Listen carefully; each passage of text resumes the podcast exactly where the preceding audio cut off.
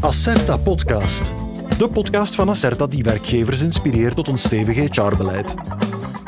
We behandelen de meest actuele HR-thema's, toekomstgericht en gebaseerd op feiten.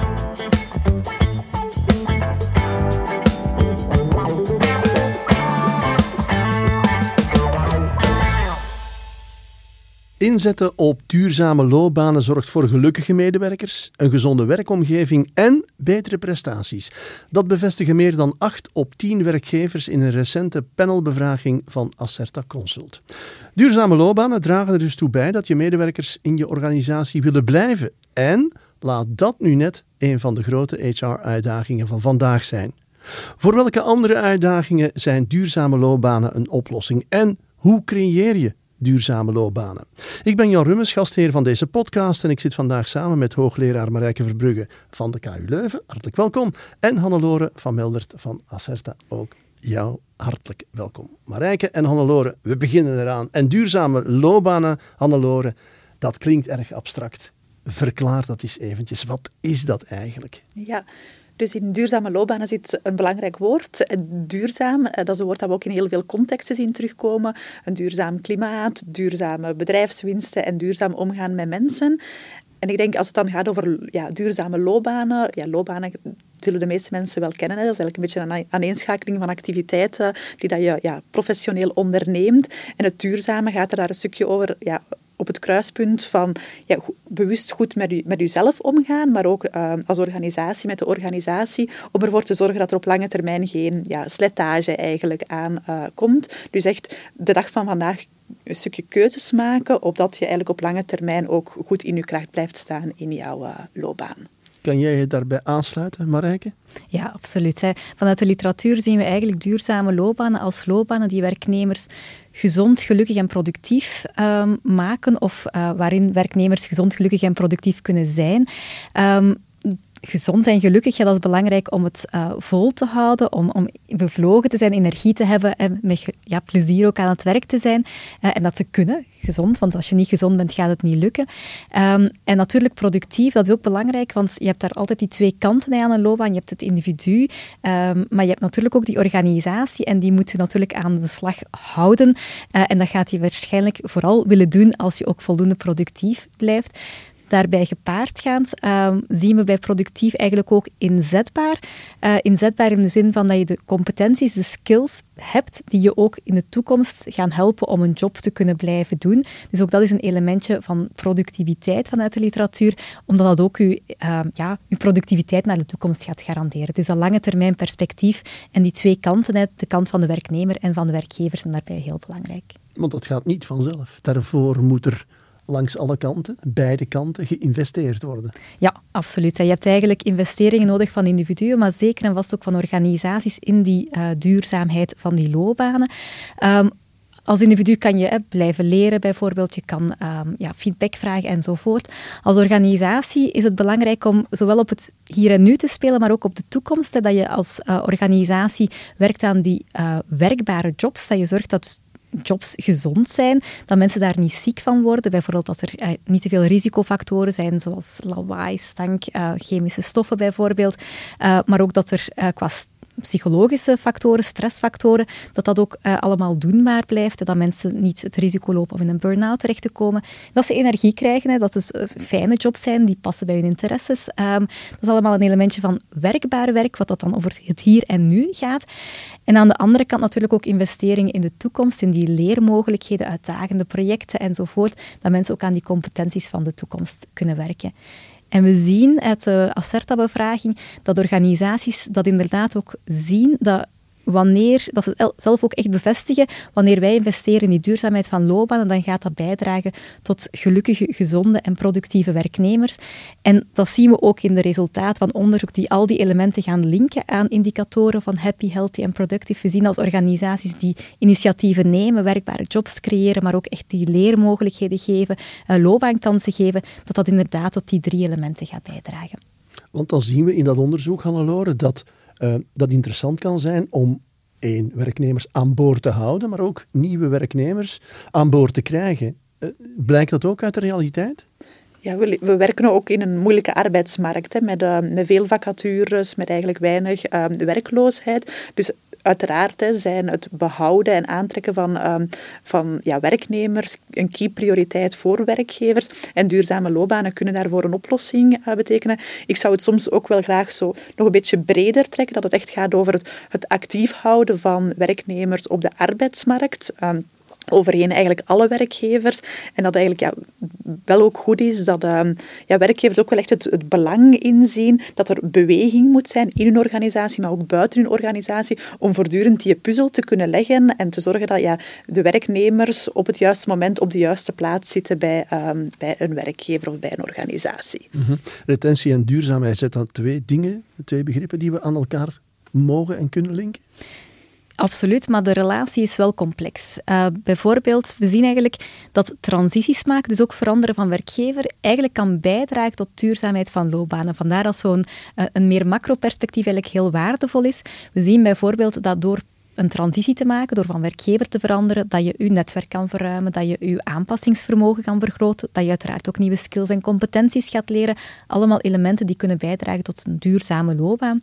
We zien ook omgekeerd wanneer mensen die eigenlijk graag willen veranderen, maar dat niet doen, dat dat eigenlijk uh, hun indicatoren van duurzaamheid naar beneden gaat halen. Dat die bijvoorbeeld minder gelukkig zijn met hun loopbaan, dat die ook soms echt gezondheidsproblemen ervaren, zoals slaapklachten bijvoorbeeld, uh, en dat die uh, ook op den duur minder productief gaan zijn. Dus we zien dat het niet maken van, van, van transities uh, die duurzaamheid kan ondermijnen. Dus op dat vlak kan retentie misschien problematisch zijn voor de duurzaamheid van loopbanen, maar enkel als mensen echt die wens hebben.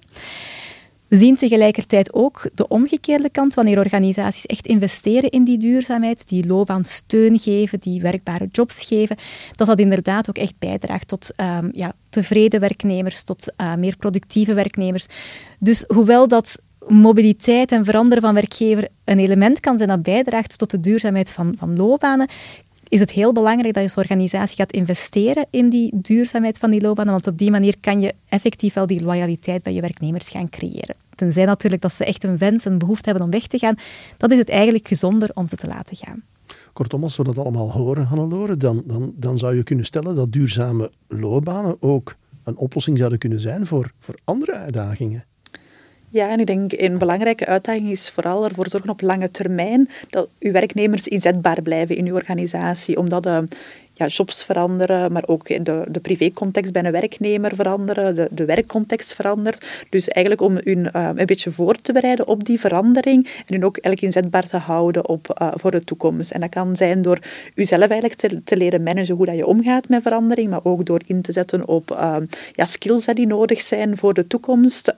en u ook ja, heel goed te laten reflecteren over wie dat zij willen zijn in jobs die verdwijnen of jobs die dat erbij komen en welke rol dat zij daar graag in willen, uh, willen spelen. Ja, dat zijn de factoren die, ja, die een rol spelen bij duurzame loopbanen?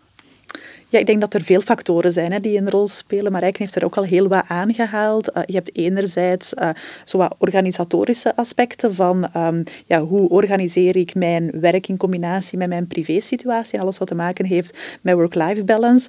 Algemeen uw well-being is belangrijk, uh, maar ook uw ontwikkeling. en dat zijn ook echt de drie aspecten die werkgevers ook aangeven als belangrijke factoren die een invloed hebben op duurzame loopbanen. Bij werknemers zien we ook nog wel naar voren komen dat ook um, die, ja, die financiële stabiliteit een belangrijk element is om ergens te ervaren, mijn loopbaan is, is duurzaam.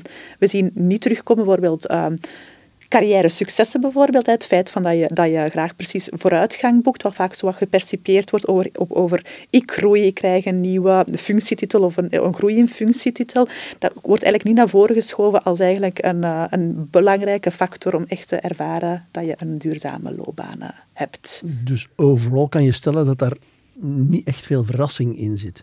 Nee, zeker niet. En ook zeker als we kijken naar dat die werknemer die financiële stabiliteit naar voren schuift, is zeker ook geen verrassing daar dat we weten dat we allemaal wel een basisbehoefte hebben om um, ja, veiligheid te hebben en ons financieel stabiel te voelen. We weten ook dat ja, verloning dat eigenlijk ook wel gewoon een hygiënefactor is. Hè. Dat, dat moet in orde zijn in je leven. Je gaat daar misschien niet mega happy van worden, maar het moet er wel, um, het moet er wel zijn. Dus zeker geen verrassingen, maar natuurlijk wel heel veel diverse factoren om in rekening te houden. En het, ja, het vraagt wel wat, uh, wat interactie om te weten wat er juist speelt bij een werknemer. Maar jij hebt ook veel onderzoek uh, gedaan naar die work-life balance strookt met wat we hier horen, uh, wat er uit jouw onderzoeken naar boven is gekomen? Ja, absoluut. Dus uit de panelbevraging van Acerta komt work-life balance als, een, als de tweede belangrijkste factor uh, die belangrijk is voor de duurzaamheid van loopbanen.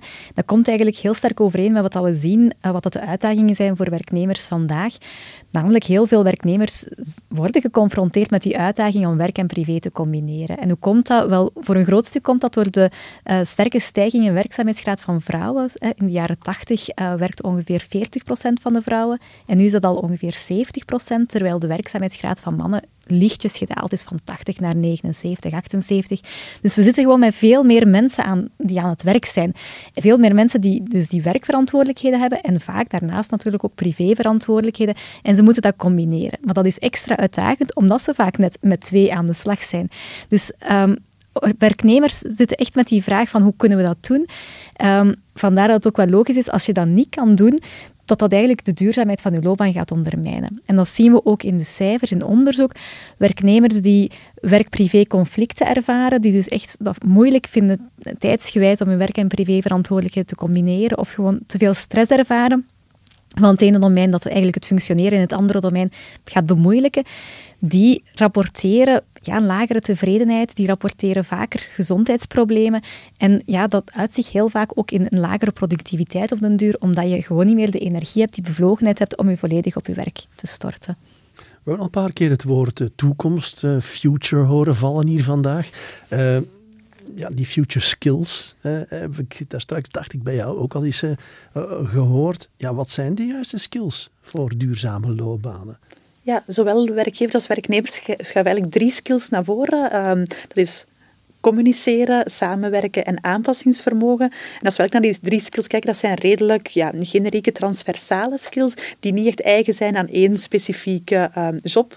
En dat lijkt ja, mij ook ergens zo wel logisch, omdat dat skills zijn waar je eigenlijk in diverse beroepen ja, ver mee kunt komen. Hè. Wendbaar zijn, in verbinding gaan en samenwerken en ja, communiceren met mensen. Vandaar kun je ja, co-creatief al wel heel veel gaan, uh, gaan produceren of gaan, uh, gaan bereiken. Um, en we zien dat enerzijds voor komen dus op vlak van, van skills dat dat generieker wordt. We zien ook die evolutie even goed terugkomen als het gaat over hoe kijk je eigenlijk naar, naar je job. Um, bijvoorbeeld, of als je kijkt naar de job van uh, verpleegster, ofwel kijk je echt van, oké, ik geef graag zorg in een, in een ziekenhuis, maar je kunt daar ook generieker naar kijken. Van echt te kijken van, ik ben eigenlijk iemand die graag begeleiding geeft, die graag zorg geeft.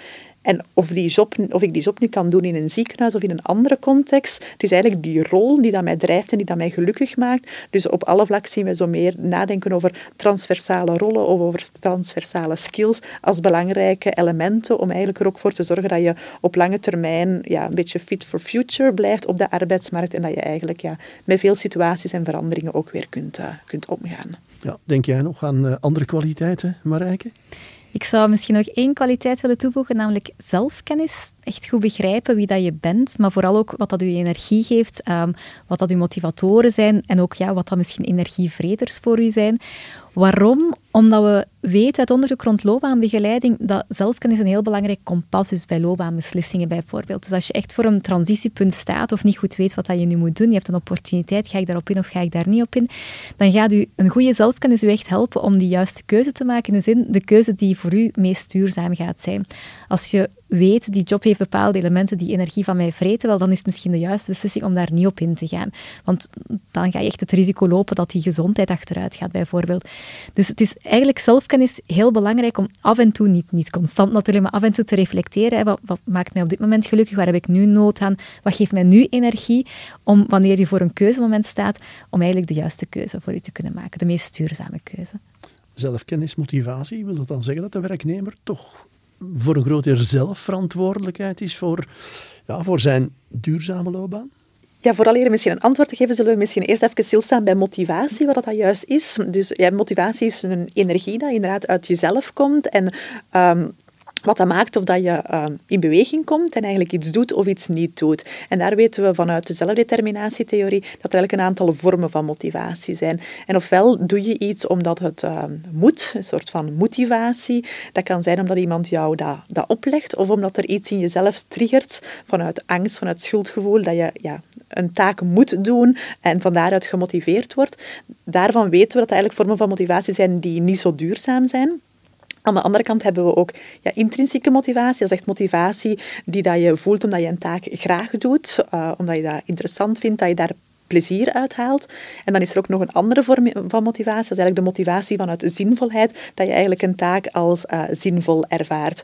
En daar dus die twee laatste vormen van motivatie, daar weten we van dat dat een, um, ja, een duurzaam karakter heeft. En uit onderzoek blijkt ook dat werkgevers, en dat is dan een antwoord op uw vraag, dat werkgevers die dat echt inzetten op duurzame loopbanen, daar zien we eigenlijk ook de juiste vormen van motivatie meer en meer terugkomen. Dus dat die werknemers dan toch het gevoel hebben, ik doe mijn, mijn job of mijn, mijn rol vanuit plezier of interesse of vanuit zinvolheid. Dus ik denk zeker dat werkgevers zeker ja, zich niet daarachter mogen verschuilen en dat werkgevers zeker een belangrijke rol hebben te spelen in het uh, creëren van duurzame loopbanen.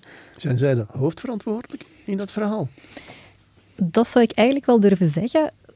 Laat me eerst nog eventjes bevestigen of benadrukken dat we inderdaad ook vanuit de literatuur zien of, of stellen dat zowel de individuen als de organisaties een verantwoordelijkheid te dragen hebben. En we zien inderdaad dat zowel investeringen van individuen als van organisaties kunnen bijdragen tot indicatoren van happy, healthy en productive. Dus uh, jobtevredenheid, loopbaantevredenheid, gezondheid uh, en ook productiviteit, inzetbaarheid. Maar we zien dat de investeringen vanuit organisaties een sterker effect hebben. Dus dat toont wel aan dat de organisaties eigenlijk een belangrijke rol te spelen hebben en misschien net iets belangrijker dan dat individu zelf. Dat wordt nog extra bevestigd door de bevinding dat wanneer organisaties investeren in de loopbanen van werknemers, dat dat werknemers ook zelf stimuleert om meer actie te gaan ondernemen in hun loopbaan. Waarschijnlijk omdat dat hun meer bewust maakt van ja, de waarde van die investeringen en het belang ook van die investeringen voor de duurzaamheid van hun loopbanen. Dus om kort te antwoorden, ja, ik bevestig eigenlijk wel dat vanuit het onderzoek blijkt dat organisaties een belangrijkere rol te spelen hebben voor het investeren in die loopbanen. Dat is het onderzoek. En dan nu de realiteit. Hoe ver staan de bedrijven? Ja, ik denk als je zo kunt kijken naar een loopbaanbeleid, dat er een aantal ja, parameters zijn waar je zo wat rekening mee kunt houden. Hè, van, uh, reageer je eerder wat reactief op het feit dat er is een, een loopbaanvraag of, of werk je echt al proactief? Ga je er echt vanuit van het, het heeft vooral te maken met mensen voor de dag van vandaag toekomstbestendig te maken, maar of ook voor de dag van morgen. En op alle vlakken zie je eigenlijk dat werkgevers voor de veilige middenweg kiezen. Dat ze eigenlijk ergens zo'n beetje in between zitten. En ik denk dat er op dat vlak wel wat dynamiek kan inkomen. En daar zie je ook dat werkgevers wel graag ook de beweging willen zetten naar meer een proactief beleid dat toekomstgericht is. Um, dus op dit ogenblik denk ik, ja, dus veilige middenweg en zeker nog wat ruimte om daar wat meer um, ja, visieontwikkeling en wat actieve uh, dynamiek in te steken. Heb jij nog een tip, Marijke, voor bedrijven die er misschien net mee begonnen zijn, die ermee bezig zijn of die twijfelen van zouden we ermee beginnen? Um, dan zou ik zeggen um, dat het belangrijk is om op twee paden uh, te spelen, om uh, twee elementen in te zetten. Aan de ene kant het hier en nu, de werkbaarheid van de jobs voor alle werknemers in de organisatie. Dus echt bewaken dat die jobs gezond zijn, dat die mensen, uh, dat er een goede fit is tussen werknemer en die functie, dat ook alle risicofactoren afwezig zijn, zoals te veel stress, al die randvoorwaarden zoals geluid enzovoort. Dus echt die werkbaarheid van die jobs bewaken, maar ook echt wel voor, voor iedereen in die organisatie. Aan de andere kant is het ook belangrijk om naar die toekomst te kijken en die ontwikkelingsmogelijkheden te, te bieden.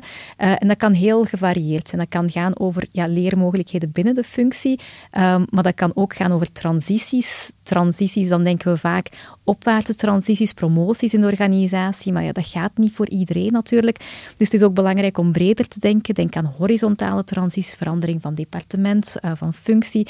Maar denk ook aan kleinere zaken, zoals vlindertijd bijvoorbeeld, is mogen proeven hier en daar van andere functies, heel korte termijn. Of stageprojecten waar je mensen een tijdje ergens anders laat werken, maar wel met de veiligheid dat je kan terugkeren naar je functie. Uh, of ja, interne gig-economie, daar wordt ook mee geëxperimenteerd, dat je kleine projectjes online plaatst, waar dat je werknemers op mogen appliceren. En dan voor 5 of 10 procent van hun tijd aan kunnen werken, maar toch, toch nog hun job blijven doen. Maar op die manier toch ook ja, hun competenties kunnen ontwikkelen, hun netwerk kunnen vergroten en op die manier aan hun duurzaamheid kunnen werken. Wil jij nog iets uh, meegeven aan? Ik denk gewoon heel algemeen um, zou ik misschien als tip wel willen geven, want zeker als het gaat over het um, bezig zijn met loopbanen, van daar niet als um, taboe naar te kijken. Want vaak zien we toch dat als iemand in loopbaanbegeleiding gaat, dat daar zo'n een stukje de stempel wordt opgeplakt, dat dat een probleemcase is. en aan de andere kant denk ik ook van, ja zeker ook soms breed genoeg te kijken. Want we zoeken ook vaak als het gaat over het, het aanleren van skills of om een keer op stage te gaan, dan proberen we oplossingen te vinden in onze eigen organisatie. Ik denk dat soms slim samenwerken met een andere vertrouwde organisatie of daar um, ja, relaties rond ontwikkelen om bepaalde skills te gaan leren of om eventueel ook ja, mobiliteitsacties te ondernemen, dat dat wel ook nuttig is om de horizon wat te verbreden en eventueel ook samen te werken met andere bedrijven om van daaruit oplossingen te vinden voor werknemers. Oké, dames, eh, bedankt voor jullie één tijd, maar vooral voor jullie interessante inzichten. Uh, en u bedankt dat u er weer bij was. Uh, wil jij een duurzaam loopbaanbeleid opzetten? Surf dan naar acerta.be slash duurzame loopbanen. Simpeler kan het niet. Doen. Dit was Acerta Podcast. Abonneer je op de Acerta Podcast voor meer interessante inzichten in nog meer actuele HR-issues of bezoek onze website acerta.be. Reageer ook gerust, want een directe lijn tussen werkgevers en Acerta is de beste garantie voor performante HR. We horen elkaar.